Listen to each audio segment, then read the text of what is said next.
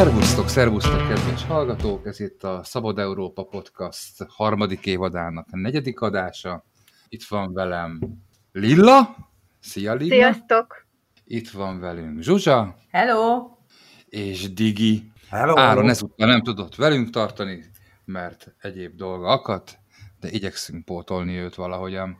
Ezt az adást elsősorban Diginek köszönhetjük, aki nagyon szeretett volna velünk arról beszélgetni, hogy hogyan is telt az 2020 és 2021, úgyhogy kedves Digi, szeretném, ha elmesélnéd, hogy neked hogyan is telt 2020 és 2021. Igazából eh, én nem, a 2021 még nagyon nem telt, még csak egy pár, egy-két hét, az még egy ilyen kis csendes, kájha mellett ücsörgős január elejé hangulat van, az élet legalábbis én körülöttem most kezd majd lassan elindulni.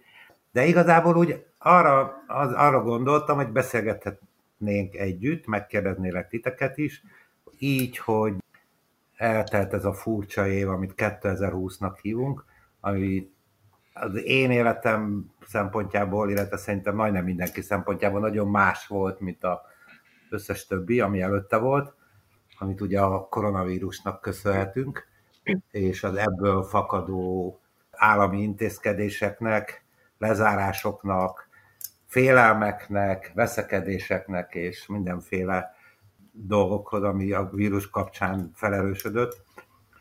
Az, ha azt kérdeztek, hogy az én életem, vagy nekem mi volt a 2020, akkor egy nagy ijegységgel kezdődött úgy feb, március elején, amikor is bezárta az ország, és megszűnt a munkám.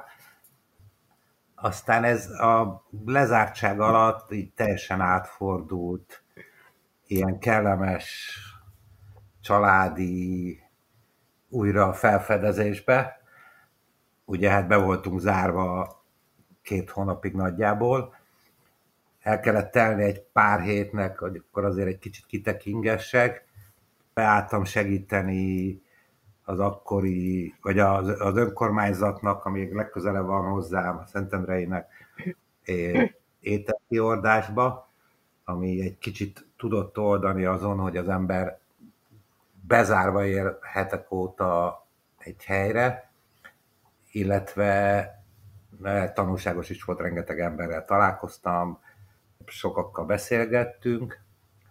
Aztán jött a nyár, ami egy kicsit lazítás volt ebből a szempontból, elmaradtak a fesztiválok, ami a, az én fájdalmam, de a, nyár az ilyen nyár volt, aztán közben lett munkám is, tehát hogy így az élet kezdett visszatérni abba, ami, ahogy így normálisan, vagy inkább hagyományosan az előző években zajlott. Majd jött az ősz, és aztán úgy ismét elkezdődtek a korlátozások, lezárások, és hát ma tulajdonképpen a mai napig ez van. Igazából én megkérdeznélek titeket, először talán azt, hogy mondjátok így egy mondatba, vagy akár többe is elmond, mondjátok már el, hogy mi volt a legjobb, illetve mi volt a legrosszabb 2020-ban.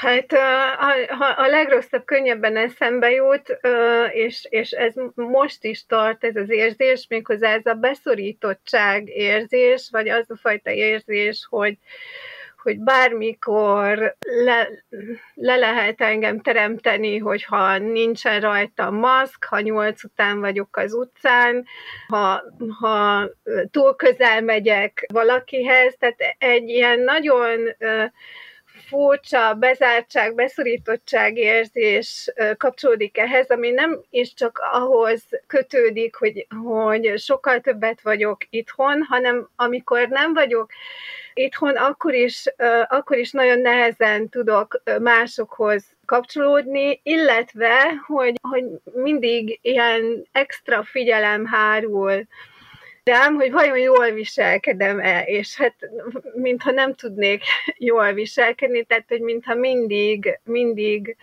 az a fajta a normális viselkedés, amit így általában normálisnak tekintünk, az, az hirtelen nem normálissá vált, és ettől nagyon-nagyon rosszul érzem magam. És a jó?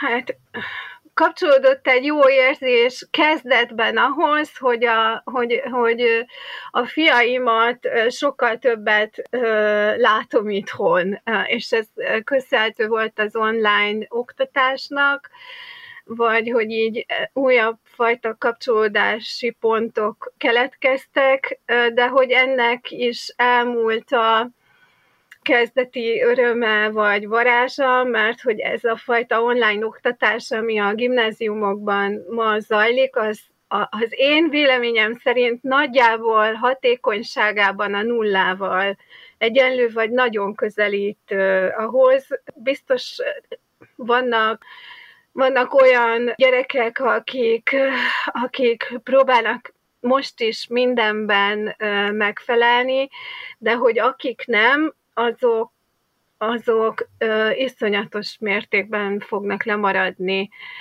a tanulásban, a saját képződésükben, és ez egyébként óriási aggodalommal tölt el. Nekem nincsenek ilyen szélsőséges élményeim ezzel kapcsolatban. Tudnék egy csomó mindent panaszkodni, mindjárt fogok is egyébként, de hogy, hogy ilyen kiugróan jó dologról nem tudok beszámolni, ami a, az, a, a helyzet megváltozásához köthető, vagy hogy mondjam neked, tehát a, a, sem a, az otthon maradásnak a, a kötelezősége, sem a, Na mindegy, hogy nem hozott semmi pozitívat a, a, a szokásoshoz képest. Hát, hogy tudom, tök jó, nem, tök jó karácsonyunk volt például, vagy nem tudom, voltak ilyen jó dolgok, de hogy ezek nem köszönhetőek a vírusnak egy kicsit sem szerintem. Panaszkodni azt nyilván sokat tudok, de ott sem történt semmi olyan, ami, ami ilyen szélsőségesen nagyon levitt volna engem. Ugye ennek elsősorban az az oka, hogy én alapvetően egy ilyen otthon szeretek lenni. Tehát, hogy nekem az jó, hogyha én otthon vagyok. Szoktam mondani, hogy amikor szabadságomra megyünk, hogy tök jó, mert végre el tudok intézni egy csomó mindent otthon. Hát azért most, most, most bőven nyílt alkalmam rá. De egyébként, hogy ez sem, ez sem egy teljesen jó dolog, azért kiderült, hogy ennyit itthon lenni. Azt képzeltem, hogy ez jobb lesz, de, nem, de ennyit itthon lenni mégsem annyira jó. Megpróbálom egy kicsit egyébként konkretizálni a dolgot.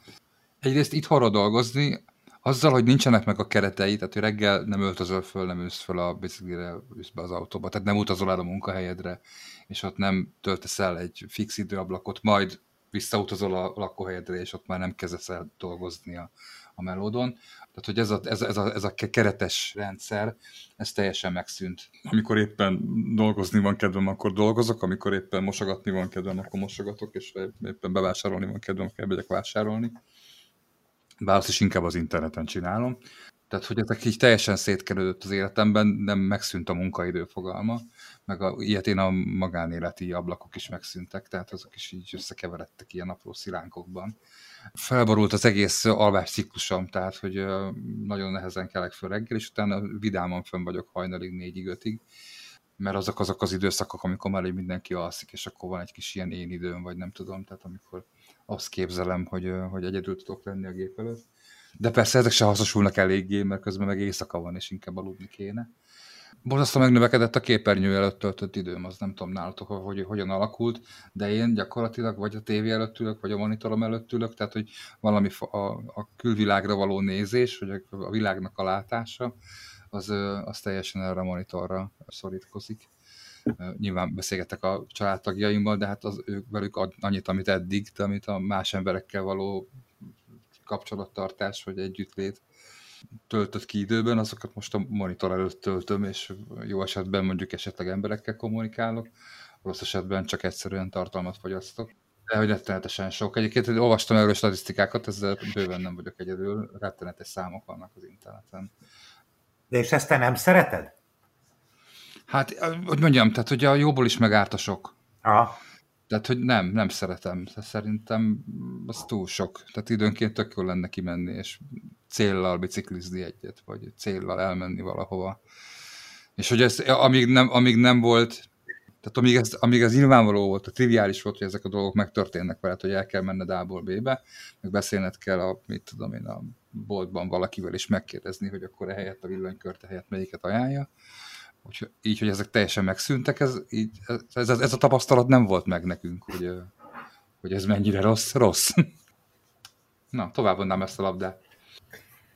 Hát én egy ilyen elég jó helyzetben vagyok, mert hogy én eddig is otthonról dolgoztam, tehát egy ebben nem, nem volt semmilyen változás az életemben. Ugye az a különbség, hogy, hogy a gyerekem is otthon van, ami egy ilyen nagyon fura dolog, mert mi szeretünk együtt lenni, és nincs semmilyen konfliktus köztünk, és mind ketten ülünk a szobába, és csináljuk a dolgunkat, de valahogy mégis más amikor reggel elmegy a gyerek suliba, és akkor én így kifújom magam, és tök egyedül vagyok a házba, és csinálom a dolgomat, és, és nem tudom, egyedül csinálunk egy alkotó folyamatot.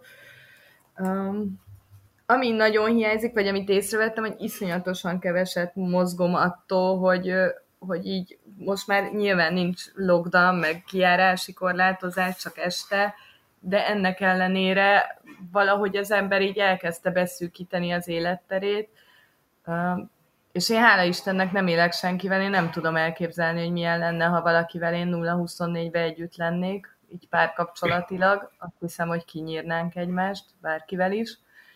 Um, és arra jöttem rá, hogy az ember, van egy csomó evidencia az életünkben, ami most már nem evidencia, és hogy ezek mennyire fájó pontok, vagy hiányozni tudnak. Tehát az, hogy beugrom egy kávézóba, valakivel leülök, és pofázunk egy órát, vagy az, hogy gyakorlatilag megszűnt a társasági élet, csak a Zoom előtt lehet, ami bárki bármit mond, az nagyon nem olyan, mint élőben, tehát egy csomó minden nem, nem olyan, meg nem működik, az nagyon, tehát hogy igazából a társaság hiányzik, tehát elkezdtek hiányozni már a nagyon unalmas sajtótájékoztatók is, pedig azok tényleg uncsik tudnak pogácsa, lenni. Nem? Meg a pogácsa is nagyon hiányzik, meg a lazacot szendvics.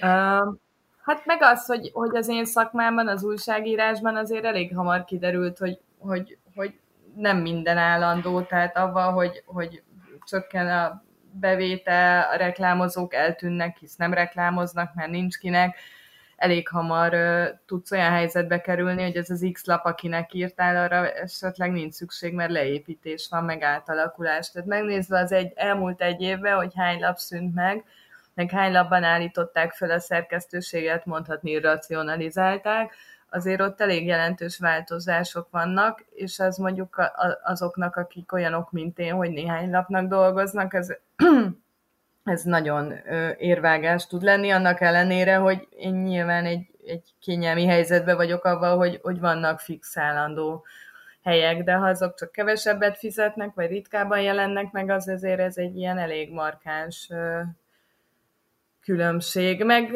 ami igazából rossz, az, hogy látom, hogy egyszerűen kétségbejtő az, hogy a társadalom jelenleg mennyire milyen helyzetben van, mennyire feszültek az emberek, mennyire tehát egy, egy szóra robbannak, a, én azt érzem, hogy megváltozott például a Facebookon a, a kommentelés, az még agresszívebb lett, az emberek még, még jobban megmutatják, hogy mi van bennük, és ez, ez hát ez jól mutatja azt, hogy, hogy milyen helyzetben van a társadalom, hogy hányan vesztették el a munkájukat, hányan kerültek olyan helyzetbe, amilyenbe, tehát igazából ez a rossz, annak ellenére, hogy az én életemben, hála Istennek, semmilyen nagyobb változás nem történt.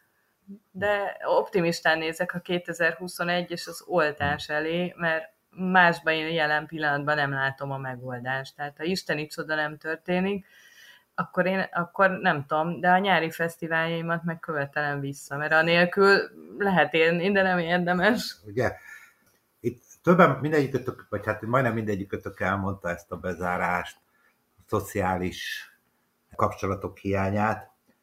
Itt azt most megkérdezném a Lillát mindenki egy kicsit szakmavágó, hogy, hogy Lilla, te olvastál erről, vagy láttál erről valamit, hogy ez hogy hat a családokra, mert azért lehet olvasni, hogy megnőtt a családon belül erőszak száma, meg illetve hogy hathat a gyerekekre, én a sajátomon tudom látni, hogy azért amikor nem volt iskola, akkor két hétig nagyon örült, és aztán utána tulajdonképpen elkezdtek hiányozni neki az osztálytársai.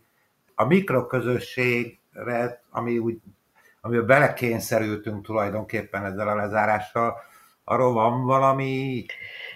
Nem hiszem, hogy kutatások vannak, azt azért lehet sejteni, hogy, hogy történik, és azt is lehet tudni, hogy ez a járványhelyzet egy krízis helyzetet idéz elő a családon belül is, ami a, a stressznek köszönhető. Tehát, hogy, hogy itt a stressz pedig nagyon sok felől jön, ahogy így felsoroltuk mindannyian, a társas kapcsolatok beszűkülésétől, a program lehetőségek hiányától kezdve a munka lehetőségek megszűnéséig tart ez a, a külső stressz, nem beszélve ugye a, attól a félelemtől, hogy mikor leszek beteg, esetleg megbetegedette valaki, vagy betege valaki a családban, ez hogy fog lezajlani, tehát ezek mind-mind stresszfaktorok, és azt is tudjuk, hogy a, a stressz az a legrosszabbat hozza ki belőlünk, rögtön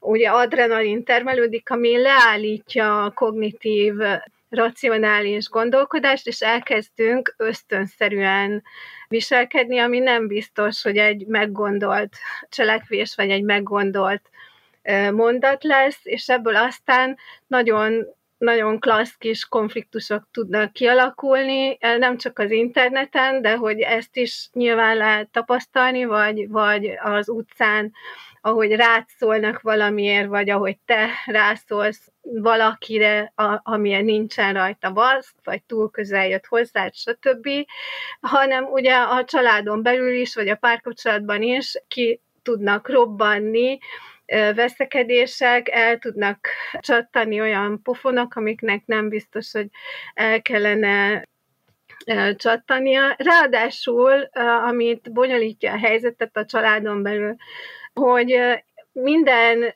krízis fel tud eleveníteni egy régebbi megoldatlan krízis. Tehát, hogy hirtelen az a régebbi megoldatlan krízis is ott lesz ugyanebben a helyzetben, érzelmileg hozzuk ezt vissza ebbe a, ebbe a, a szituációba, és néha nem is lehet elkülöníteni, hogy akkor most régről van szó, amikor a férjem munkanélküli lett, és akkor az akkori érzéseim jelennek meg itt, vagy az, hogy, hogy most is mind a ketten munkanélküliek lettünk. Szóval, hogy ez egy nagyon-nagyon nehéz helyzetet teremthet, és ezért történhet, hogy, hogy nagyon meg tud emelkedni a családon belüli erőszak száma. Erről be is számoltak leinkább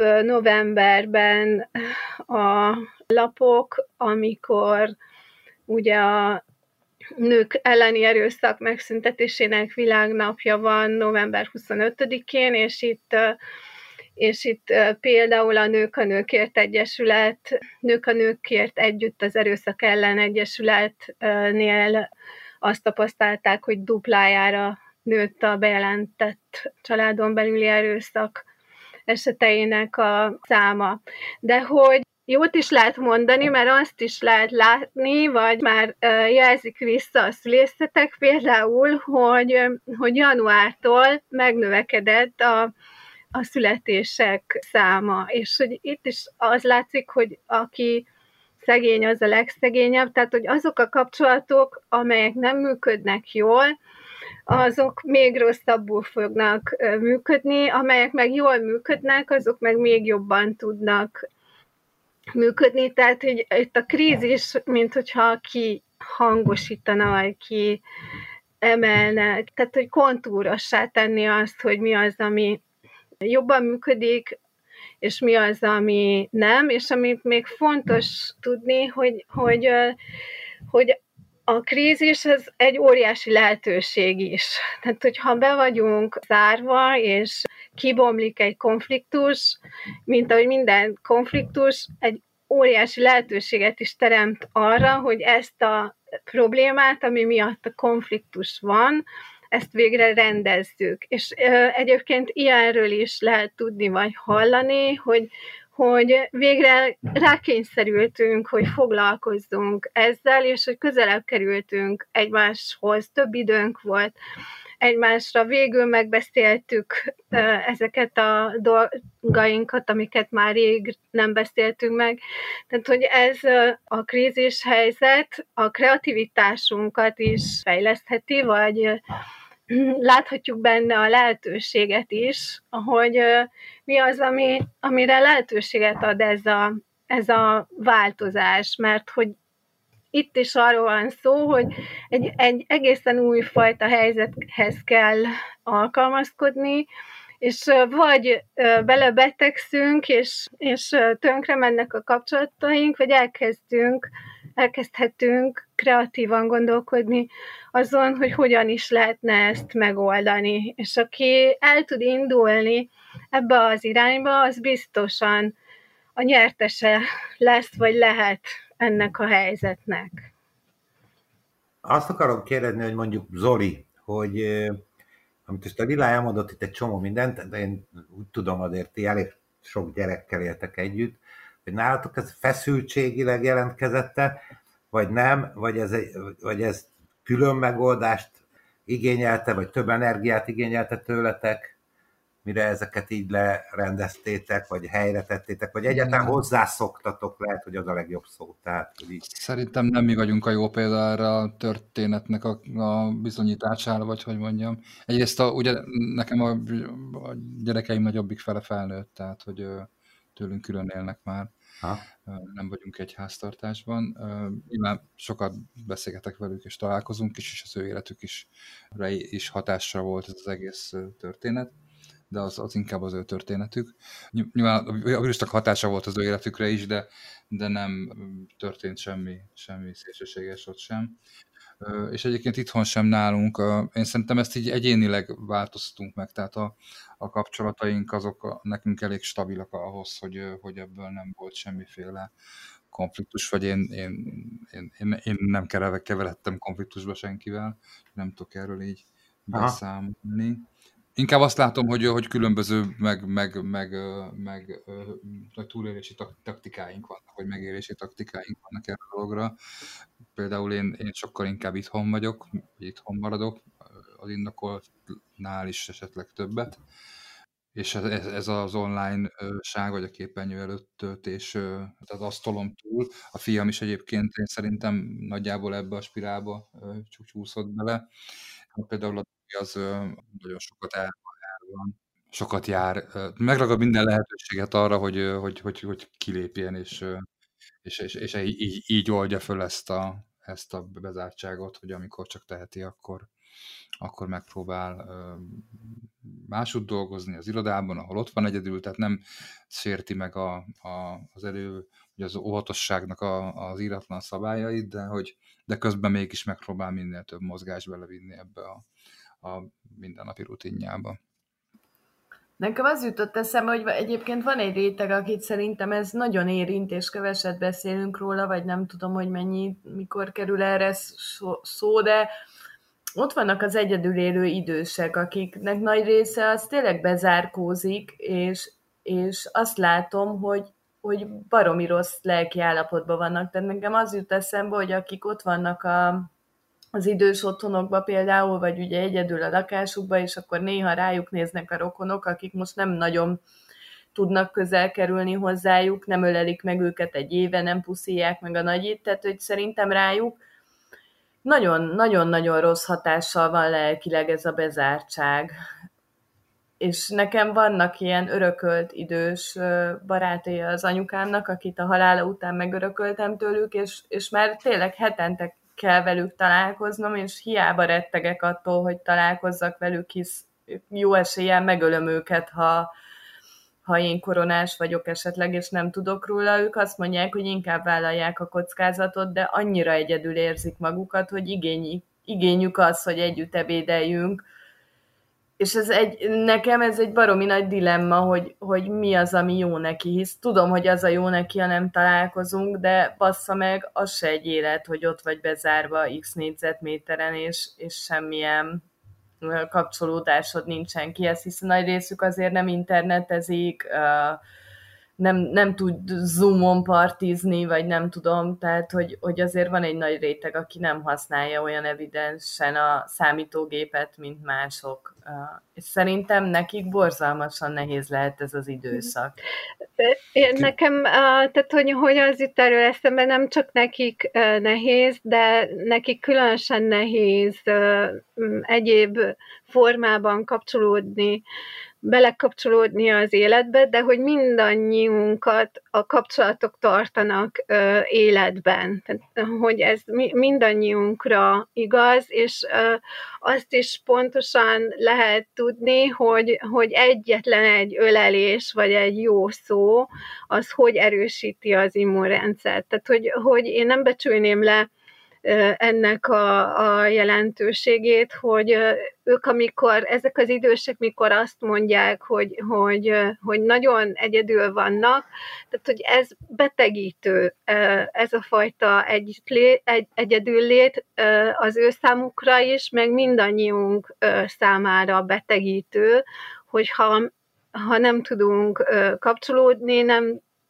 hiányolnunk kell az öleléseket, hiányolnunk kell a másik ember társaságát, tehát, hogy ez biztos, hogy rosszabb lelki állapotba kerülünk ennek hiányába, és hosszú távon pedig egyszerűen nem maradunk életbe. Pontosan tudják, vagy kutatásokból tudjuk, hogy azok a csecsemők, akik állami gondozásban, csecsemő otthonban nőnek, ö, ö, kénytelenek lenni a születés után, mert lemondtak róluk a szüleik, és megkapják az enni innivalót, de nem kapnak ölelést, és nem kapnak figyelmet, azok egyszerűen elkezdenek sorvadni, és meghalnak. Konkrétan meghalnak. Nekem az egyik legkedvesebb történetem a tavaszi karanténról, az a, a nekünk a szomszédaink egy idős házas pár, 81 két éves a bácsi, és 80 vagy 79-80 a néni. De jó, jól vannak, nagy kertel van, nagy kertjük van, és tehát tulajdonképpen mi e, nagyon sokszor nekiálltunk a kerítés mellett beszélgetni, kitelepültünk, széket vittünk, és az, az egyik, tényleg az egyik leg, legjobb élményem volt a két hónapos lezárás alatt, hogy, hogy olyan kapcsolatot, emberi kapcsolatot tudtunk kialakítani, ami az életben biztos, hogy nagyon nehezen, vagy így a mindennapokban sokkal nehezebben, illetve sokkal felszínesebben lett volna. Hát reméljük, hogy az országnak a része is, az ország nagy része ezt körülbelül hasonlóan éli meg. Ami még engem egy kicsit félelemmel töltött el, ez a tulajdonképpen, én ugye filmiparban dolgozom, és le is állt a teljes filmipar. Tavasza volt egy, alály, egy adásunk a zeneiparról, abban megemlítettük a filmipar is, tehát hogy a kreatív ipar az tulajdonképpen teljesen megállt, és egy négy-öt hónapos csend állt be, ahogy a Zsuzsa mondta, hogy újságok szűnnek meg, igazából teljes iparágak is megálltak, illetve megszűntek. Jó kormányunk egyszeri támogatásként lehetett igényelni 80 ezer forintot, én, én azt meg tudtam kapni, de ezen kívül hát a magamra voltam hagyva, és utalva, mint egy 5-6 hónapig. Szóval e, ez, azon is el kellett gondolkodni, illetve azt is egy kicsit át kellett gondolnom, hogy a, hova tovább, hogy a jövő, merre megyünk, mi legyen, mi lesz, hogyha még ez fél évig tart, már pedig úgy tűnik, hogy tart egy fél éve, kicsit próbálja magát a szakma helyrehozni, de hát azért nagyon-nagyon nehézen megy. Szerintem ez is egy kicsit ilyen átgondolandó, illetve ezzel is nagyon sok minden. Viszont, ami szerintem jó az országnak, az a mozgás fellendülése.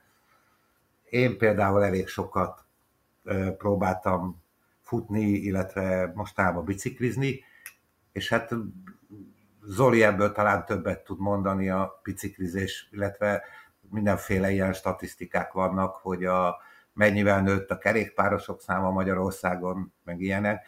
Tehát azt gondolom, hogy egy kicsit talán a, a, az egészség, vagy a, a önmagával törődés több idejük lett az embereknek.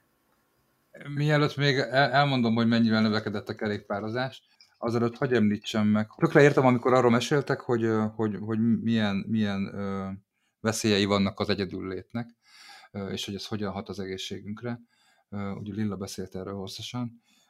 Nekem az jutott közben eszembe, hogy, hogy hogy van közben egy olyan stressz az életünkben egy folytában, ami ugye nem ez a tipikus stressz, hogy úristen, elkészültem a határidőre a munkámmal, vagy hogy a főnököm jobb lábbal vagy bal lábbal kelt fel, vagy mit tudom én, tehát hogy a, az eddig ismert stresszeink mellé bejött egy ilyen, egy olyan stressz, ami egy ilyen állandó, soha ö, le nem tehető stressz, ami ez a vírussal való viszonyunk ö, okozza. Tehát mondjuk én konkrétan eléggé mostanra eléggé tartok attól, hogy mondjuk megbetegszem. Tehát, hogy van egy ilyen folyamatos stressz bennem, hogy ezt valahogy el kéne kerülnöm, és akkor mit kéne tegyek azért, hogy ez így legyen, és akkor szedem a D-vitamint, meg mit tudom én, örülök, hogy végre kicsit tudok mozogni, igen, meg elkerülöm az embereket, meg gondolom a vírus tagadás is járhat valami fajta stresszel, tehát azt gondolom, hogyha folyton az am, amellett kell érvelned, hogy, hogy ez az egész hülyeség, és csak a, nem tudom, a Rockefellerek találták ki, akkor, akkor is gondolom stresszt okoz annak, aki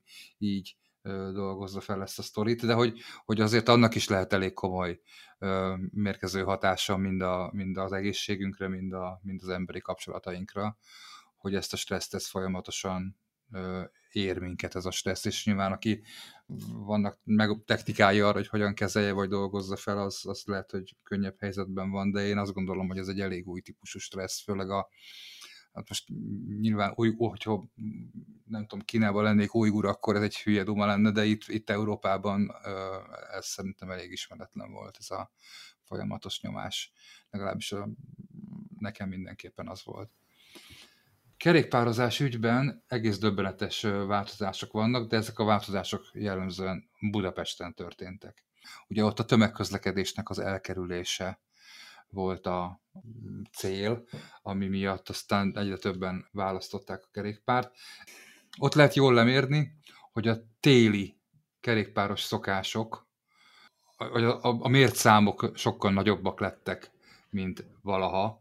Általában az egész évben 15%-kal többen kerékpároztak az, ismert számlálók, a budapesti számlálók alapján, és decemberben az, az év előző azonos hónapjához képest 30 és 95 százalék közötti növekedéseket produkáltak egyes mérési pontokon. Tehát, hogy óriási robbanás volt a, a téli kerékpározásban, a pestiek biciklin maradtak, annak ellenére, hogy hideg lett az, az, az is segíti ugye a, a budapesti kerékpáros utaknak a, a, a na, nagy számát, hogy ott nem, nem kerékpároznak nagyon nagy távolságokat, tehát általában ehhez a 3-5 kilométeres távolságot kerékpározza le egy ember egy napi ingázás során, és ez, ez olyan rövid idő alatt megtörténik, hogy ez a jellemző átfagyás, ami egy hosszabb kerékpáros út végére plusz 5 fok alatti napokon jellemző, az nem következik be egy ilyen rövid út során. Nekem az jutott eszembe, hogy nyilván én azt látom, hogy nálunk így agglomerációban az embereknek egy része biciklizik, de inkább abba, hogy elmenjen a boltba, vagy leszaladjon a kocsmába, és enne, emellett jutott eszembe, hogy arról én nem olvasok sehol, hogy egyébként az, a kis településeken, tehát az igazi kicsi falvakban mi történik, vagy milyen hatással volt rájuk a, a vírus. Tehát mi van azokkal a, a, a településekkel, ahol este a kocsma tele volt eddig, ahol minden este lementek a férfiak, vagy a nők, általánosítsunk, és az, azt most elvileg ugye nem tehetik meg, bár meggyőződésem, hogy vannak zukkocsmák, tehát ebbe az országba ebbe biztos vagyok, de hogy, hogy, hogy ott mi van, tehát hogy ott mennyire forgatta föl az életüket, mert ugye a budapestieknek azért egy jó része, meg a nagyvárosban élőknek kényszerült home office-ba, de mondjuk mi van a, a, a kicsi falvakban, ahol ez nyilván nem jellemző, és inkább a fizikai munka van, hogy ott szerintetek történtek nagy változások, vagy, vagy igazából sokkal kevésbé látványos az átalakulása az életüknek?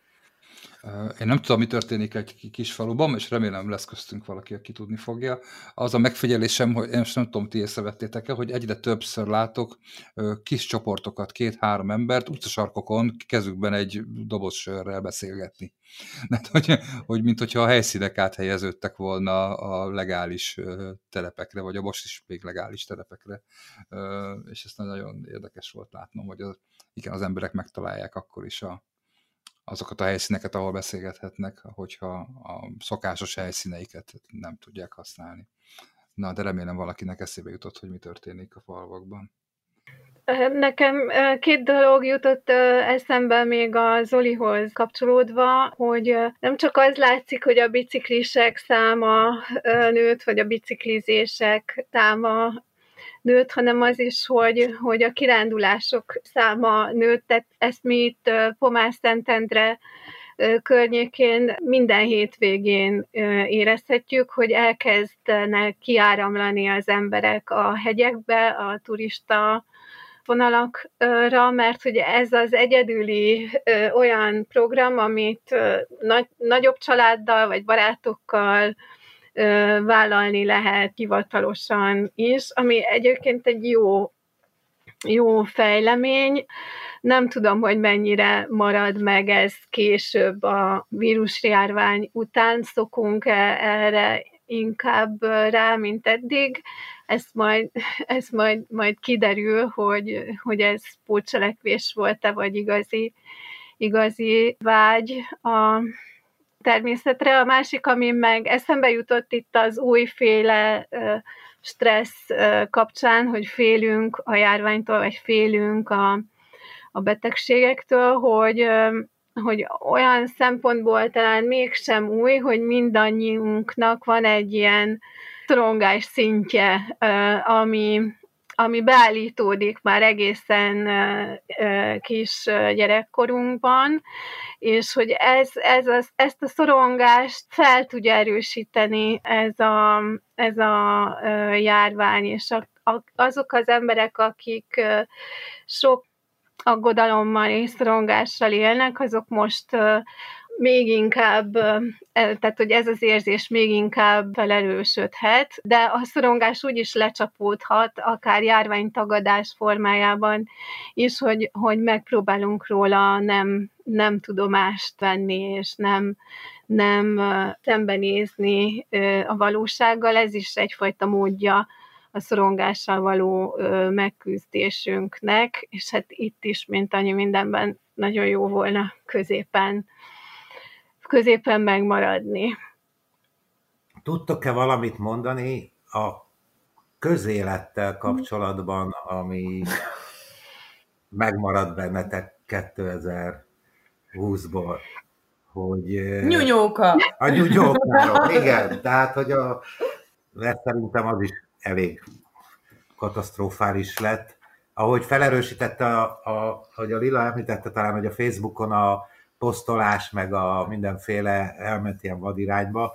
Hát amit én látok kifelé, a, a közélet is egyre vadabb lett a közélet is.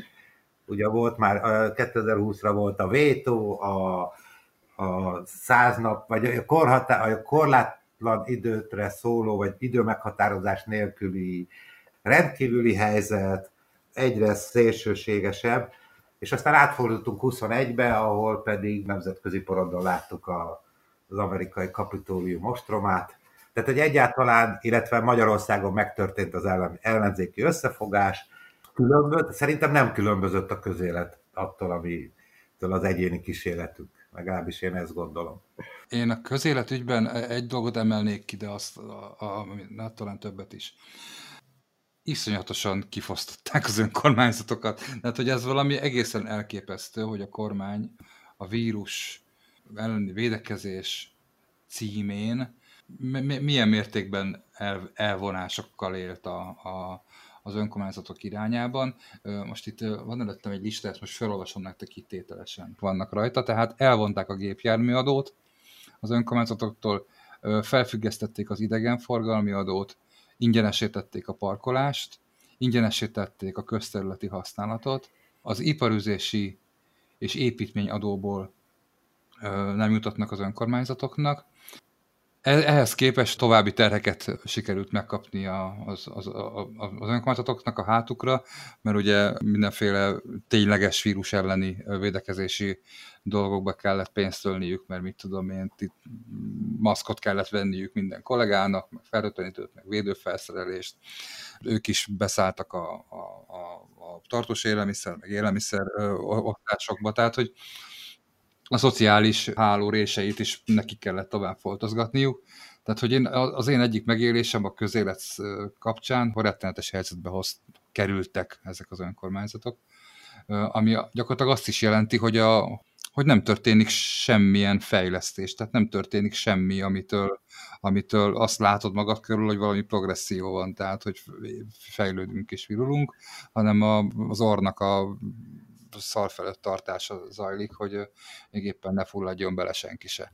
Ez szerintem végtelenül depresszív egyébként, tehát én most így, ugye mi Szentedrén élek, ez nekem egy, egy megélésem most ezzel, a, ezzel az itteni közélettel kapcsolatban. Abszolút egyetértek a Zolival, és azt fűzném hozzá, hogy nem csak önkormányzati szinten történik az, hogy a, a járvány örvén olyan intézkedések történnek, vagy olyan törvényeket vezetnek be, amik nem tudom jobban mondani, de úgy érzem, hogy a, a demokratikus jogainkat csorbítják, és persze ezt a kétharmados többség birtokában megtehetik, de a járvány miatt azt a lehetőséget is elveszítettük, hogy, hogy ez ellen hatékonyan, vagy láthatóan tiltakozzunk. Tehát, hogy nincsen arra mód, hogy, egy közösség ebben a helyzetben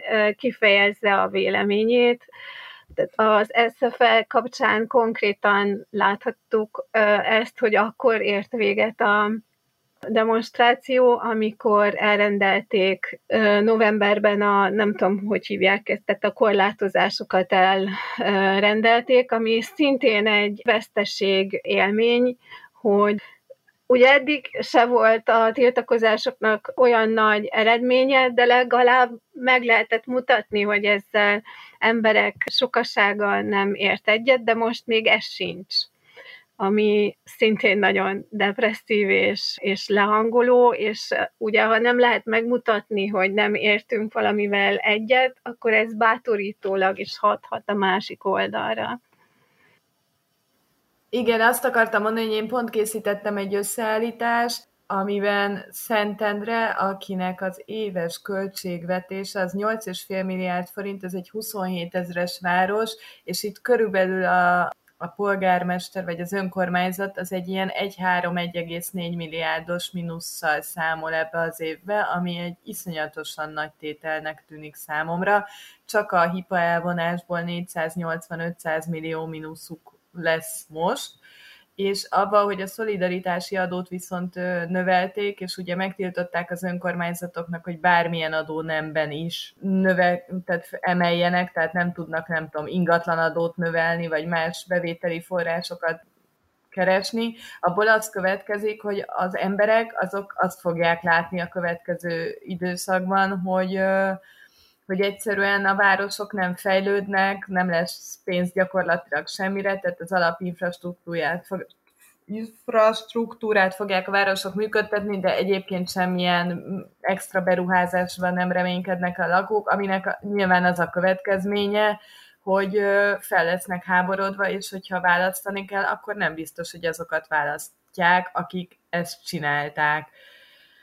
Én láttam kimutatást abból, hogy egyes városokban hány százalékát érinti, például Székesfehérvár esetében 91 százalék volt az, ami a hibából bejött, tehát az adóbevételeinek a 91 százaléka volt, ha jól értelmeztem a, a hipa, aminek az elvonása, hát ez egy, egy nagyon jelentős tétel, annak ellenére, hogy Székesfehérváron ugye nagy cégek is vannak, azt tegyük hozzá, hogy ez a hipa, ez a kis és középvállalkozókat érinti, tehát a 4 milliárd forintos árbevétel vagy mérleg főösszegig, tehát az igazán nagy cégek azok továbbra is fizetni fognak. Na jó, de hát egy csomó városban nincsen igazán nagy cég, tehát hogy Székesfehérvár az teljesen jó, de egy Szentendrén nem nagyon van nagy cég, a, és hát egy csomó ilyen 10-20-30-40 ezeres városokban nincsenek nagy cégek, és minél, jobb, táv, minél jobban távolodunk a fővárostól, annál kevésbé. Tehát, hogy azért egy szentes vagy e, méretű város, vagy egy, akár egy Dunai város méretű városnak hmm. a adóelvonásai, illetve bevétel kiesései, hát én nem tudom, tehát hogy én nem tudom elképzelni, hogy ez hogy mi, mi fog történni, de hát szerintem az önkormányzati rendszer kiüresítése folyik. Én azt gondolom, hogy ez nagyon szomorú, mert ez egy vívmánya volt a rendszerváltásnak, amit most itt szépen elengedünk. Igen, ezt tegyük hozzá, hogy ugye a 25 ezer fő alatti városok automatikusan fogják kapni a kompenzációt, 25 ezer fő fölött viszont pályázni kell az önkormányzatoknál, nak, amire viszont még nem tudott nyilatkozni a belügyminisztérium, hogy ez hogyan fog megtörténni. Tehát nem lehet tudni, hogy kik azok, és mi alapján fognak pénzt kapni, amiben az én nyilván nagyon szkeptikus énem azt mondja, hogy esetleg azok a városok, ahol ellenzéki vezetés van, nem feltétlenül fognak annyi pénzt kapni, ahol a fideszes vezetés van. Tehát, hogy ez egy nagyon jó módszer arra, hogy kivéreztessük azokat, akiket nem annyira kedvelünk, melynek nyilván az lesz a következménye, hogy utána nagyon nehéz lesz ott bármit is megnyerni, hisz egy kiüresedett városban, amiben üres a kassa, arra nem szavaznak az emberek szívesen, főleg ha látják, hogy egy-két tolvonással el lehet venni a pénzüket. De én úgy tudom köven, hogy a pályázat is úgy van, hogy csak adott célra, vagy adott feladatra lehet pályázni, tehát fenntartásra, állagmegőrzésre, tehát például utcaseprésre, vagy amit általában a, a városgazdálkodási cégek csinálnak, arra nem lehet pályázni. Lehet pályázni, ha szeretnél építeni egy hidat a valahova, és akkor arra vagy nyersz, vagy nem, vagy felújítod a iskoládat, ha felújítod egyáltalán. Tehát, hogy én azt gondolom, hogy igen, tehát a 2020-as évnek ez az egyik legszomorúbb hozománya, vagy maradványa számunkra, hogy, hogy az önkormányzatiság az úgy, hogy van szerintem lassan egy szimbolikus dolog lesz, és én nem értem azt sem igazán, hogy miért nem tiltakoznak ez ellen akár Fideszes városvezetésű önkormányzatok is, vagy hát miért egyedül azt hiszem talán Cserpakovics a Fehérvár emelte fel a szavát, de egyszerűen nem értem, mert ez egy, ez, ezt egy-két év múlva nagyon érezni fogjuk, hogyha ha egyszer tényleg megszűnik ez a fajta önkormányzati rendszer, ami most volt. Hát igen, nekem körülbelül ennyi van erről, a, erről az önkormányzatiságról. Zoli, valami? Én még annyival szeretném kiegészíteni ezt a dolgot, hogy, hogy ugye legalábbis nekem, de tudom, hogy nektek is egyébként eléggé az életetek része volt a aktivizmus, tehát valami fajta politikai vagy társadalmi aktivizmus.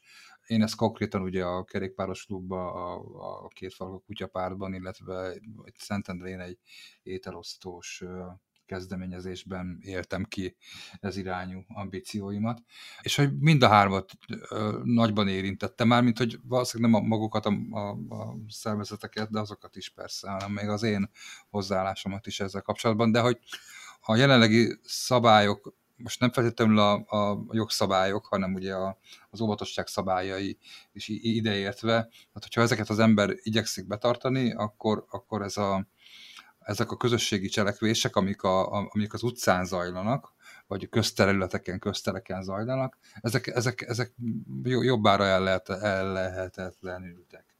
Melegétet osztani konkrétan nem szabad például. Én tudom, hogy van néhány csapat, aki ezt gerilla módon most is csinálja, például Budapesten, de valójában a, a jogszabály alapján ezt nem volna szabad végezni, ezt a tevékenységet. Mi is egyébként így alkalmanként osztunk mostanában csak tartós élelmiszert, amit ugye milyen közért jelleggel oda megy az ember, és már el is megy, tehát azt gondoljuk, hogy ez belefér, hogy ilyen módon mégis egy helyre terelünk embereket, de csak rövid időre, és nem is egyszerre de például nem fogunk négy szín festeni a kutyapártal ugye egy járdán, huszan, vidáman, fütyörészve és beszélgetve az arra járkálókkal, mert ez, ez, ezt nem teszik lehetővé a, sem a jó zenész, sem a, sem a jogszabály.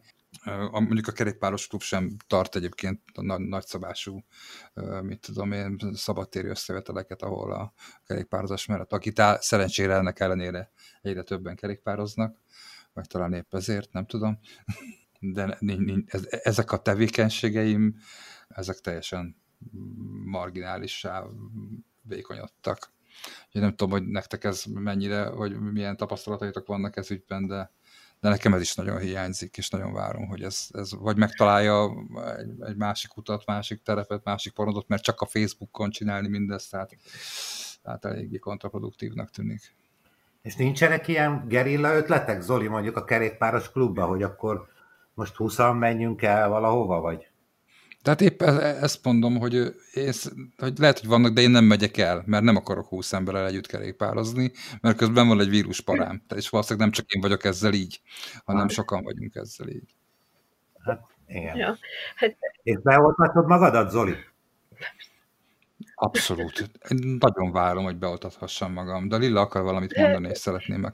Én csak rá akarok erősíteni, hogy számomra is óriási veszteség, hogy, hogy ezeket a közéleti tevékenységeket, ezeket nem lehet művelni, mert hogy nincsen rá tér, nem biztos, hogy tudok találkozni azokkal az emberekkel, akikkel szeretnék, és hát ugye az is óriási veszteség, hogy, hogy itt van például ez a önkormányzatokkal kapcsolatos helyzet, és tehát, hogy elveszítettük uh, itt is a tiltakozáshoz való jogunkat, pedig, pedig ami történik, az egyszerűen felháborító, vagy én mind, minduntalan felháborodom ezen, hogy ez hogy történhet meg, és hogy csúszhatunk bele ebbe, de hogyha nem tudjuk épp a járvány miatt kifejezni a tiltakozásunkat sem, akkor ez még elkeseredettebbé tesz, és a, hát azt is jelzi, hogy nem biztos, hogy jó irányba fognak ezek a dolgok változni, hogyha ez a járványhelyzet még sokáig fent fog állni és a, hát a... A, a, a beoltottság az nem változik meg elég hamarosan, tehát hogy jóvá tehetetlen dolgok is történhetnek emiatt. Hát a járványhelyzet azt valószínűleg fönn fog állni, mert épp Portugália épp tegnap zárta le magát megint egy három hétre. A vakcináról meg hát ennyit tudnak a gyárak, illetve ugye az Európai Unió lekötött egy X mennyiségű darabot, azt lakosság arányosan osszák szét, tehát, hogy azt látjuk, hogy mint a Franciaországban hány millióan beoltották magukat, az azért van, mert Franciaországban annyi millióan élnek, annyi millióval többen élnek. Magyarország az EU lakosságának 1,9%-a. Magyarán szólva, ezt valaki, én olvastam erről egy elég jó izét, valaki levezette, hogyha a 300 millió vakcinának az 1,9%-át fogjuk megkapni, tehát nagyjából ki lehet számolni, hogy mennyi oltás lett. A másik, ami már engedélyezve van, ez a Moderna oltása, ez Amerikába gyártódik, nincs is Európába gyára a Modernának, nyilván ebből tud ide jönni, meg elkezdtek ezen dolgozni, hogy legyen, de, de hát ez se, ez se nagyon. Én a saját pessimista magánvéleményem szerint ez ősznél előbb nem fogunk tudni kimászni, akkor a ilyen intenzitással marad az oltás, illetve hát az oltási kedv is.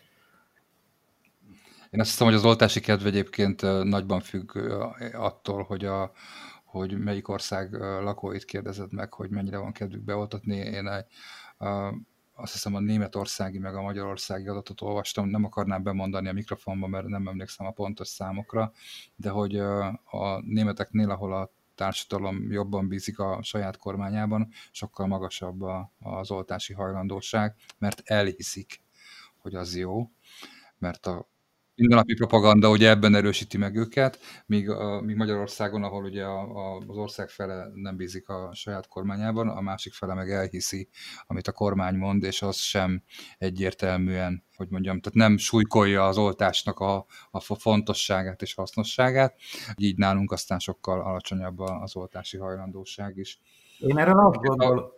Bocsánat, csak még egy gondolat, hogy a, a másik, amire gondoltam, hogy az, globálisan az átoltottság meg nem történik, ami valószínűleg években mérhető, addig mindenképpen fönnmaradnak ezek a falanszterek, mert hiába lesz mondjuk Európában magas a, az átoltottsági arány, ha, ha te mondjuk, mit tudom én, a világ oly területére akarsz elutazni majd, ahol ez nincs így, akkor, akkor ez különböző szabályzók, meg a, meg a saját jól felfogott érdeked miatt sem fogod megtenni, tehát hogy a, a falak, amiket körül, amivel körülveszünk magunkat most akár csak itthon, vagy mondjuk egy országban, a kívül meg beutazási szabályok nehezítésével, ezek fönn fognak maradni továbbra is, lehet, hogy tágulnak, és lehet, hogy majd el fog tudni menni a horvát tengerpartra nyaralni, vagy nem tudom, Hollandiába, megnézni a csatornákat, de gyanítom, hogy ennél messzebb nem fog merészkedni még hosszú éveken át. Nekem az kérdéses még, hogy én abszolút támogatom az oltást, nyilván csináljuk, minél előbb szeretném megkapni, de hát hogy Gulyás Gergely bejelentette pont azt hiszem, hogy a mai nap, hogy egy millió kínai vakcina érkezik az országba, viszont elbizonytalanodtam, hogy én ebben nem vagyok biztos, hogy kínai vagy orosz vakcinával szeretném oltani magam. Én ilyen nem tudom, szkeptikus vagyok ezzel kapcsolatban, és én inkább a Pfizer-t vagy a Modernát támogatnám. Nyilván nem nagyon lesz választási lehetőségem, azt hiszem, hogy ebben a helyzetben.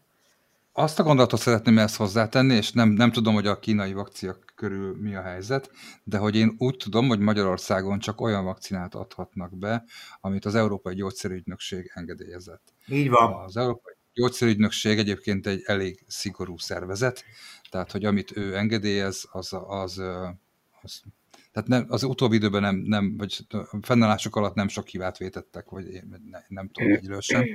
És a, hallgattam riportokat szakemberekkel, és ők sem soroltak fel ilyeneket, szemben egyébként mondjuk az amerikai gyógyszerügynökséggel, akinek által van azért néhány olyan története, amire ők sem büszkék. Tehát, hogy mindesetre érdemes megbízni abban, hogy amit ők jóvá hagynak, annak függetlenül attól, hogy hol gyártották az oroszoknál vagy Kínában, valószínűleg megfelelnek azoknak az elvárásoknak, amit egy vakcinával szemben minimálisan támasztani kell, vagy lehet. Úgyhogy én nem félnék egy kínai vakcinától, hogyha én egy, egy, az Európai Gyógyszerügynökség által engedélyezett kínai vakcinával oltanám be magat, be, oltanának be engem, mert ehhez ez hozzáférhető, én azt simán vállalnám akkor is az mondjuk nem 97%-os, hanem csak 70%-os, mondjuk ne adj Isten, mert hogy azért ugye minden oltásban különbség van, és én most olvasom, hogy 19, 19 millió 700 ezer oltóanyagot kötött le Magyarország 5 vakcinagyártónál, én nem tudom, hogy ki ez az 5, tehát nem tudom megmondani, és most heti 100 ezer érkezik az országba. Tehát az így, így a számokat tekint szerintem a statisztika nem egy rossz dolog, tehát hogy a 73%-os védelem, vagy akár az 53%-os védelem is sokkal több, mint a nulla. Tehát, hogy én már attól is boldog lennék, és hogyha ez férhető hozzá számomra, akkor most ez van, és vagy lehet, hogy később lesz egy jobb vakcina, és akkor azzal is be tudom magam oltatni, de hogy én szerintem nagyon fontos, hogy, hogy, hogy hogy a statisztikailag emeljük az átoltottság számát, meg a, meg a, a, a jóságát is akár, és, és minél jobban, min, hát hogy sokkal fontosabb, hogy minél több emberhez eljusson, akár egy nem annyira jó vakcina is, mint az, hogy inkább mindenkit tutira be legyen oltva, és egy életre elfelejtesse ezt az. Nekem ami nagy kérdés még a jelenlegi helyzetben, a vakcinával kapcsolatban, hogy oké, okay, hogy most mondjuk valamikor tavasszal megkapjuk ezt az oltást, de vajon meddig lesz? De nem kapjuk meg tavasszal, de igen. Most tegyük fel, jó esetben megkapnánk tavasszal valamikor ezt az oltást, akkor meddig hatékony ez az oltás? Örök életemre vagy csak egy fél évre, vagy egy évre, és hát én azt olvastam, hogy igazából ezt még nem tudjuk ebben a pillanatban, hogy, hogy meddig ad védettséget egy-egy ilyen oltás, és hogyha nem örök életünkre, akkor lehet, hogy jövőre kezdhetjük ugyanezt előről. Hát ugye, hogyha elérjük a nyári immunitást, akkor, akkor ez a probléma azért szűnik meg, mert nyári immunitás van, tehát hogy megszűnik a, a vírus már nincs, aki hordozza, és ez nem, nem jut el hozzá, hiába, vagy esetleg újra megfertőzhető vele. Tehát, hogy én azt gondolom, hogy az, hogy megszabaduljunk ettől a vírustól, ahhoz az kell, hogy a következő néhány évben nagyon magas legyen az átoltottságnak a, a, az De... aránya. Egyébként egy pillanatra visszatérve az, az előzőhöz, hogy miért fontos, hogy, hogy ne, ne kezdjünk el nagyon ágálni a, az új gyártók ellen. Hiába olvasunk esetleg róla kevesebbet. Ugye az, az, hogy milyen gyorsan történik majd meg mindaz, hogy minél többen oltáshoz jussunk, az azon is múlik, hogy mennyit tudnak ebből gyártani. És hogy most az látszik, hogy azért is jut ilyen kevés oltóanyag per pillanat az országba, mert egyszerűen ennyi oltóanyag van a világon, amit szét lehet osztani. Ilyen ütemben fog eljutni hozzánk egész addig, amíg csak ennyit tudnak gyártani. Tehát vagy a mostani gyártók egyre többet képesek gyártani, nyilván ez is egy út, vagy újabb gyártók lépnek be a saját, a saját vakcinájukkal, és ezzel tovább növelik ezt a, a, ezt a volument, ami aztán eljutott az emberekhez. Hát, hogy ezért is fontos, azt gondolom, hogy minden olyan vakcinát, amit egyébként engedélyeztek, azokkal ha lehet, akkor rögtön élni is.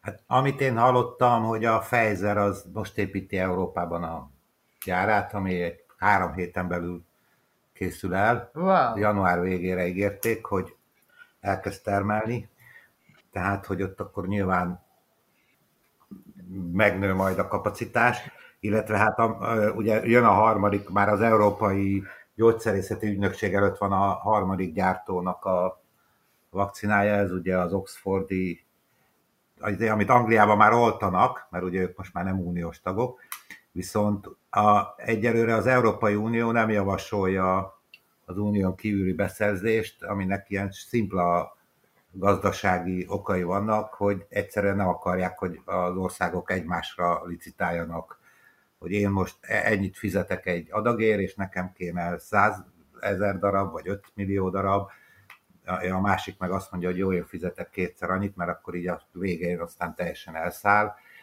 De hát ez biztos vagyok benne, hogy szerintem hónapok kérdése, és meg fog jelenni a szabad piacon is valamiféle vakcina, amit majd aztán elkezdenek cégek vagy országok felvásárolni. Amit én akartam mondani még ezzel kapcsolatban, ott az előbb beszéltünk a bizalom, és ott nekem eszembe jutott, hogy a, igen, tehát a kormány, hogy miért, azért, mert hiába, mert nincs elég vakcina, és nem is hiába reklámozna, de én valahogy sokkal több soros plakátot láttam az elmúlt években, mint ahány olyan plakátot, hogy oltasd be magad, vagy élj egészségesen. Tehát, hogy Egyrészt hiányolom a tájékoztatást, vagy legalábbis nagyon, nagyon szűrt a tájékoztatás. Másrészt, hogyha már egy ekkora propaganda gépezete van a kormánynak, akkor miért nem láttuk azt hetente, és miért kellett keresni, hogy Orbán Viktor beoltatta magát, miért nem ezzel van kiplakátolva az ország, illetve miért nem jelenik meg ez a sportadón egy percesekben. Tehát, hogy hogy szerintem igen, a kormány egy kicsit nem, nem, mi olyan, mintha nem egyértelműen szeretne állást foglalni ebbe a kérdésbe. Legalábbis nekem így tűnik, nem tudom, hogy látjátok, számomra mindenképpen így tűnik, hogy ő mintha kicsit ilyen, ide, kint a két, két kapura focizna, vagy hogy szokták ezt mondani? Ja.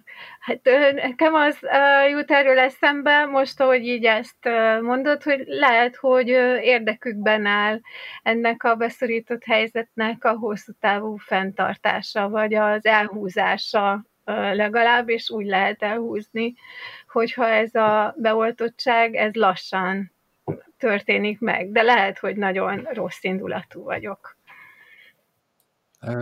Én másképp lennék rossz indulatú, szerintem nem, nem ez az érdekük, mert közül meg dől össze a gazdaság. Szerintem nem értenek eléggé hozzá.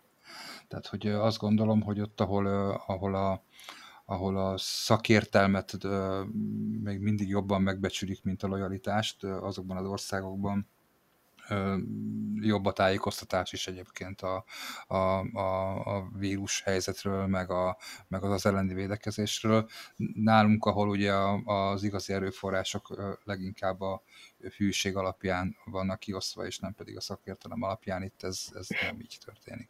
Hát, az pedig azért nem annyira nehéz belátni, hogy a gazdaság annál hamarabb tud talpra állni, minél hamarabb lesz egy teljes, vagy, vagy egy nagyon jó átoltottság, tehát hogy akkor mi, tehát hogy ezt, ehhez azért nem kell agytrösztnek lenni senkinek, hogy, hogy ezt belássa. To- továbbra sem értem akkor, hogy miért nincsen ez, mert hiszen mindannyiunknak, ráadásul közös érdekünk, hogy, hogy ez, a, ez a helyzet megszűnjön, mielőtt még éhen halunk. Még kifelejtettük, de már volt egy adás, amikor sokkal többet beszéltünk róla, és hát az Áronnak lesz lassan igaza, ugye a, az egyetemi vagyonok, illetve egyetemek autonómiájának elvesz, elvevése, elvesztése. A legújabb hír, ugye a tegnap előtti hír, hogy az SZF-ét azt tulajdonképpen földarabolják, megszüntetik az épületet. Tehát talán a két adással ezelőtt beszéltünk róla kicsit többet, akkor volt ez a telefonunk is, hogy igen, tehát a, úgy kell, hogy mondjam, hogy a, a ellenállás, vagy a, az egyetemi autonómiáért küzdő diákok tulajdonképpen elég rosszul fognak járni, ami egy kreatív szakmában megint szerintem borzasztó, mert ha a rendezők külön, a színészek külön, az operatőrök külön, a dramaturgok külön épületekben, városrészekben és kilométerekre egymástól lesznek, akkor az, az mind a kreativitás, illetve az összedolgozás, illetve minden egyéb kárára fog menni. Elkezdődött Pécsen is, elkezdődött Hát, Szent István Egyetem. Szent István Egyetem. Tulajdonképpen azt kell, hogy mondjam, hogy az egyetemeket bedarálták, és kihasználva szintén ezt a esetet. Én azt kérdezem tőletek, hogy szerintetek melyikötök mit vár 21-től? Tehát, hogy van valami várakozásotok az év elé, vagy csak szeretnétek túl lenni ezen az egész járványon, vagy, vagy mi van? Én szeretném végre megölelgetni a barátaimat, és nem gyanakodva nézni másfél méterre egymástól, hogy melyikünk lehet covidos, vagy tehát hogy az, az, az nagyon jó lenne, ha végre együtt bulizhatnánk úgy, ahogy régen. Én nagyon-nagyon remélem, hogy, hogy őszre a, valahogy visszarendeződnek már a dolgok, tehát ez az én hurrá optimizmusom, de valamit tenni kell, mert, mert nem csak egyéni szinten, hanem egyszerűen nem fogja bírni a gazdaság ezt, bedőlnek a cégek, a vendéglátóipar, turizmus az gyakorlatilag halott, és a, ha így folyt, így mennek a dolgok tovább, akkor halott is marad, ami egy nagyon uh, rossz szenárió. Úgyhogy én, én optimista vagyok, de egyébként elképesztő, amit a vakcina gyártók meg a tudósok csinálnak, hogy ezt egy év alatt ezt sikerült megvalósítani és, és elindítani, szóval hihetetlen erő van szerintem ebbe, ami, ami így nagy, nem tudom, felnézek ezekre az emberekre, hogy meg tudták csinálni, és hogyha ez működik, és nem halunk meg egy év múlva mindenki valamelyik vakcinától, akkor, akkor én nagyon remélem, hogy ezt a 2021 az már az újrakezdés éve lesz. De lehet, hogy ez túlzott optimizmus részemről. Azért a vakcinától meghalás esélyei elég minimálisak ahhoz képest, hogy a nem vakcinálás, mert milyen, es, milyen Jó, nem van. tudom, nyilván, tehát, hogy bármi lehet, volt már ilyen a történelemben, hogy nem tudom, a vakcina maga jó volt, de mondjuk valami, tehát mindegy, tehát volt már erre példa, nyilván ez a legrosszabb elképzelés, ne legyen ilyen soha, meg ne deréljen ki, hogy hosszú távon valamit, tehát hogy én abszolút támogatom azt, hogy mindenki oltassa be magát, idősek, stb. Mindegy, tehát ugye én azt gondolom, hogy, hogy nincs más választásunk, mint oltani, és én nagyon szeretném minél hamarabb megkapni, és ha tényleg csak egy millió ember regisztrált a vakcinára, akkor sokkal több esélyem van, mert 9 millió ember nem akarja ezt, de szerintem ez nagyon-nagyon remélem, hogy változni fog. Én ilyen lassú változásra számítok 2021-ben, tehát hogy nagyon el tudom képzelni, hogy tavasszal ez a ezek a korlátozó intézkedések még nem fognak feloldódni, hiszen amíg nincsen átoltottság, akkor bármikor visszatérhet a, a vírusnak egy ilyen emelkedő tendenciája, és hát nagyon jó volna, vagy nagyon szeretném én is, hogyha szeptemberre úgy nagyjából vissza lehetne rendezni a, az életet. Így kicsit azt, azt is látni kell szerintem, hogy ennek a járványnak azért hosszú távú gazdasági hatásai lesznek, tehát hogy, hogy szeptemberrel ennek még nem lesz vége, tehát hogy fogyasztóképes kereslet az jelentősen csökkenni fog, ezt nagyon sokáig fogjuk még érezni különféle területein a, a, az életnek, és azt nehéz kiszámolni, hogy, hogy a, a társadalmi hatások azok milyenek lesznek, hogy még jobban nőni fog-e a szakadék a, a szegények és a gazdagok között, ez, ez is könnyen benne lehet a pakliban, illetve hogy a, a társadalom stressztűrő képessége az, az milyen, azt azt is nehéz felmérni, és hogyha egyszer kiszabadulnak az emberek ebből a bezártságból, akkor vajon mit fognak csinálni? Ez nekem egy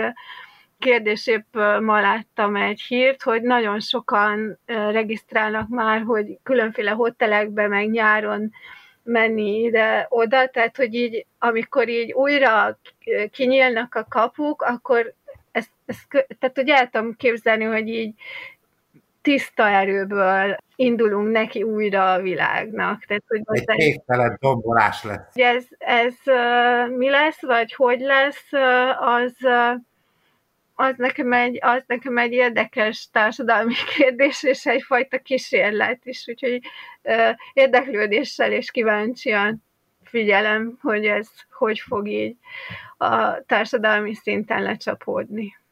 Egyrészt nagyon reménykedem abban, hogy meg fognak növekedni a kapacitások oltóanyagügyben, és hogy emiatt a mostani prognózis, ami ugye nagyjából december végére teszi a, a, a szükséges átoltottság elérését, azt hát ez az az időpont, amikor a, a nem kockázati csoportba tartozó emberek is megkaphatják az oltásokat.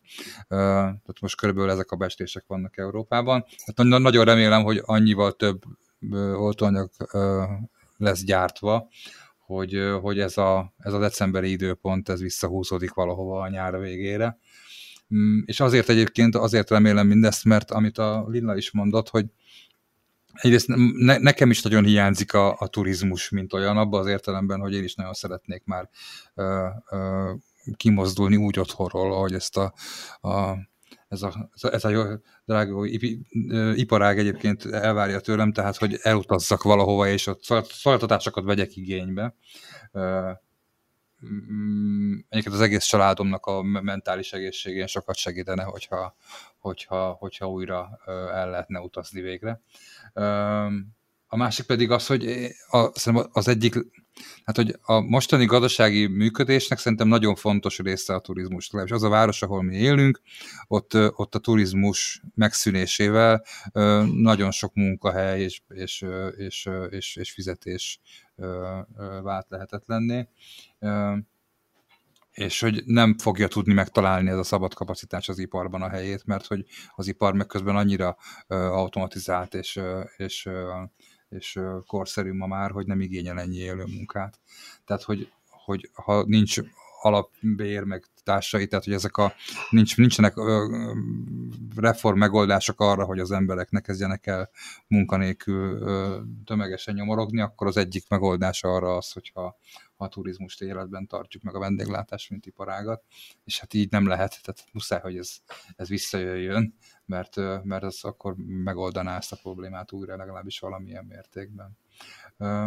Amit még várok egyébként tőle, hogy, az, hogy, hogy 21-ben kiderül, és ez nagyon izgalmas téma szerintem, talán önálladásokat is megír adott esetben, de beszélgetéseket mindenképpen, hogy hogyan fognak átalakulni a, ezek az irodai működések, amiket, amiket ugye korábban úgy éltünk meg, hogy az ember reggel bemegy a munkahelyére, és ott leül egy íróasztal elé.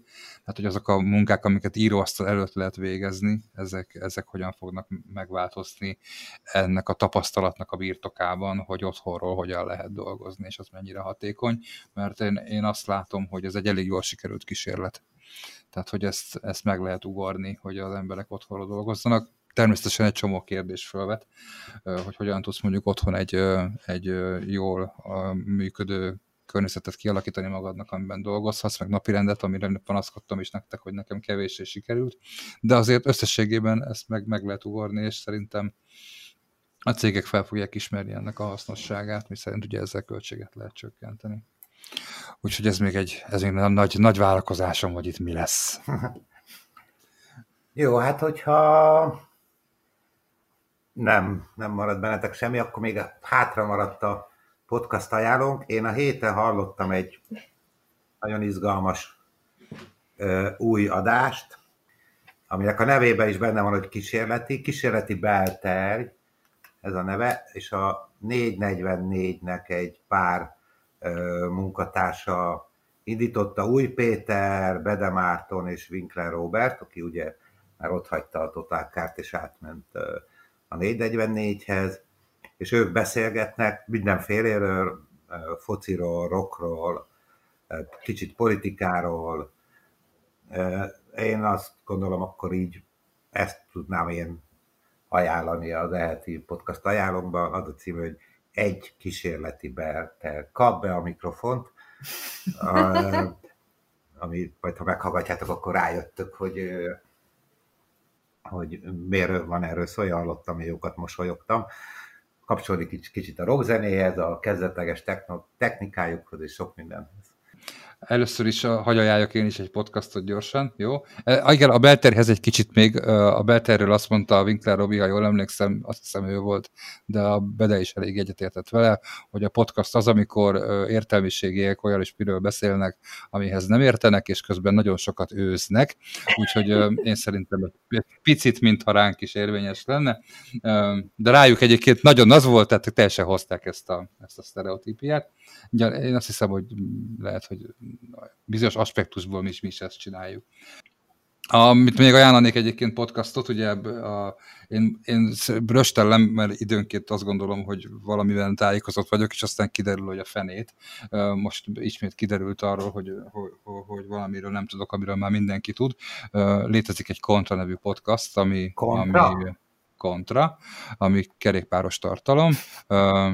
Két fiú beszélget elsősorban kerékpározásról, illetve annak nem is annyira a sport, hanem inkább a műszaki aspektusairól, de minden másról is és ők most egyébként bekerültek a 24.hu-nak a podcast családjába, és így egy kicsit több ö, ö, promócióhoz jutottak, és valószínűleg így értesülhettem én is arra, hogy ők léteznek. Úgyhogy most na- nagy erőkkel próbálom bepótolni eddig elmaradásaimat a kontra hallgatásában. Ö, és még egy dolgot szeretnék elmondani, ö, hogy írt nekünk egy nagyon hosszú levelet, a Kanada Banda podcast egyik készítője, elsősorban a, az, a múltkori adásban felvetett ö, ö, vegán ö, témával kapcsolatban. Ö, nem reagálnék most itt erre a levére, elsősorban azért, mert az Áron nincs itt, aki ugye vegán ügyben egyébként is érintett volt, ö, hanem azt az ígéretet akarom tenni, hogy a valamelyik következő adásban ennek hosszú, hosszú ö, ö, ö, időt fogunk szentelni. Ö, nem tudom, hogy nektek van-e még podcast ajánlótok, Zsuzsa és Lilla. Nem, én ezt a feladatot elsúnyogtam, bevallom őszintén. Ki leszel vágva. Akkor engem is legyetek szíves. Jól van. Jó. Hát ez esetben köszönjük szépen, kedves hallgatók, hogy velünk voltatok. Ez volt a Szabad Európa Podcast harmadik évadának negyedik adása. Hallgassatok minket az ismert platformokon, a Spotify-on, YouTube-on is fenn vagyunk, az Anchor FM-re szoktuk feltenni a adásainkat, és onnan jut el aztán az Apple és a Google podcast lejátszóiba is, úgyhogy az összes ismert podcast platformon megtaláltok minket. Lájkoljatok, hogyha tetszett, és diszlájkoljatok, hogyha nem tetszett, mert az is információ nekünk, hogy tetszett vagy sem, illetve az is az egy jelzés, hogy, hogy véleményetek van rólunk, tehát valamit mégiscsak jól csinálunk. Köszönjük szépen még egyszer a hallgatást. Sziasztok! Sziasztok! Sziasztok! Droma alde pacha, najre nam de šudre paja.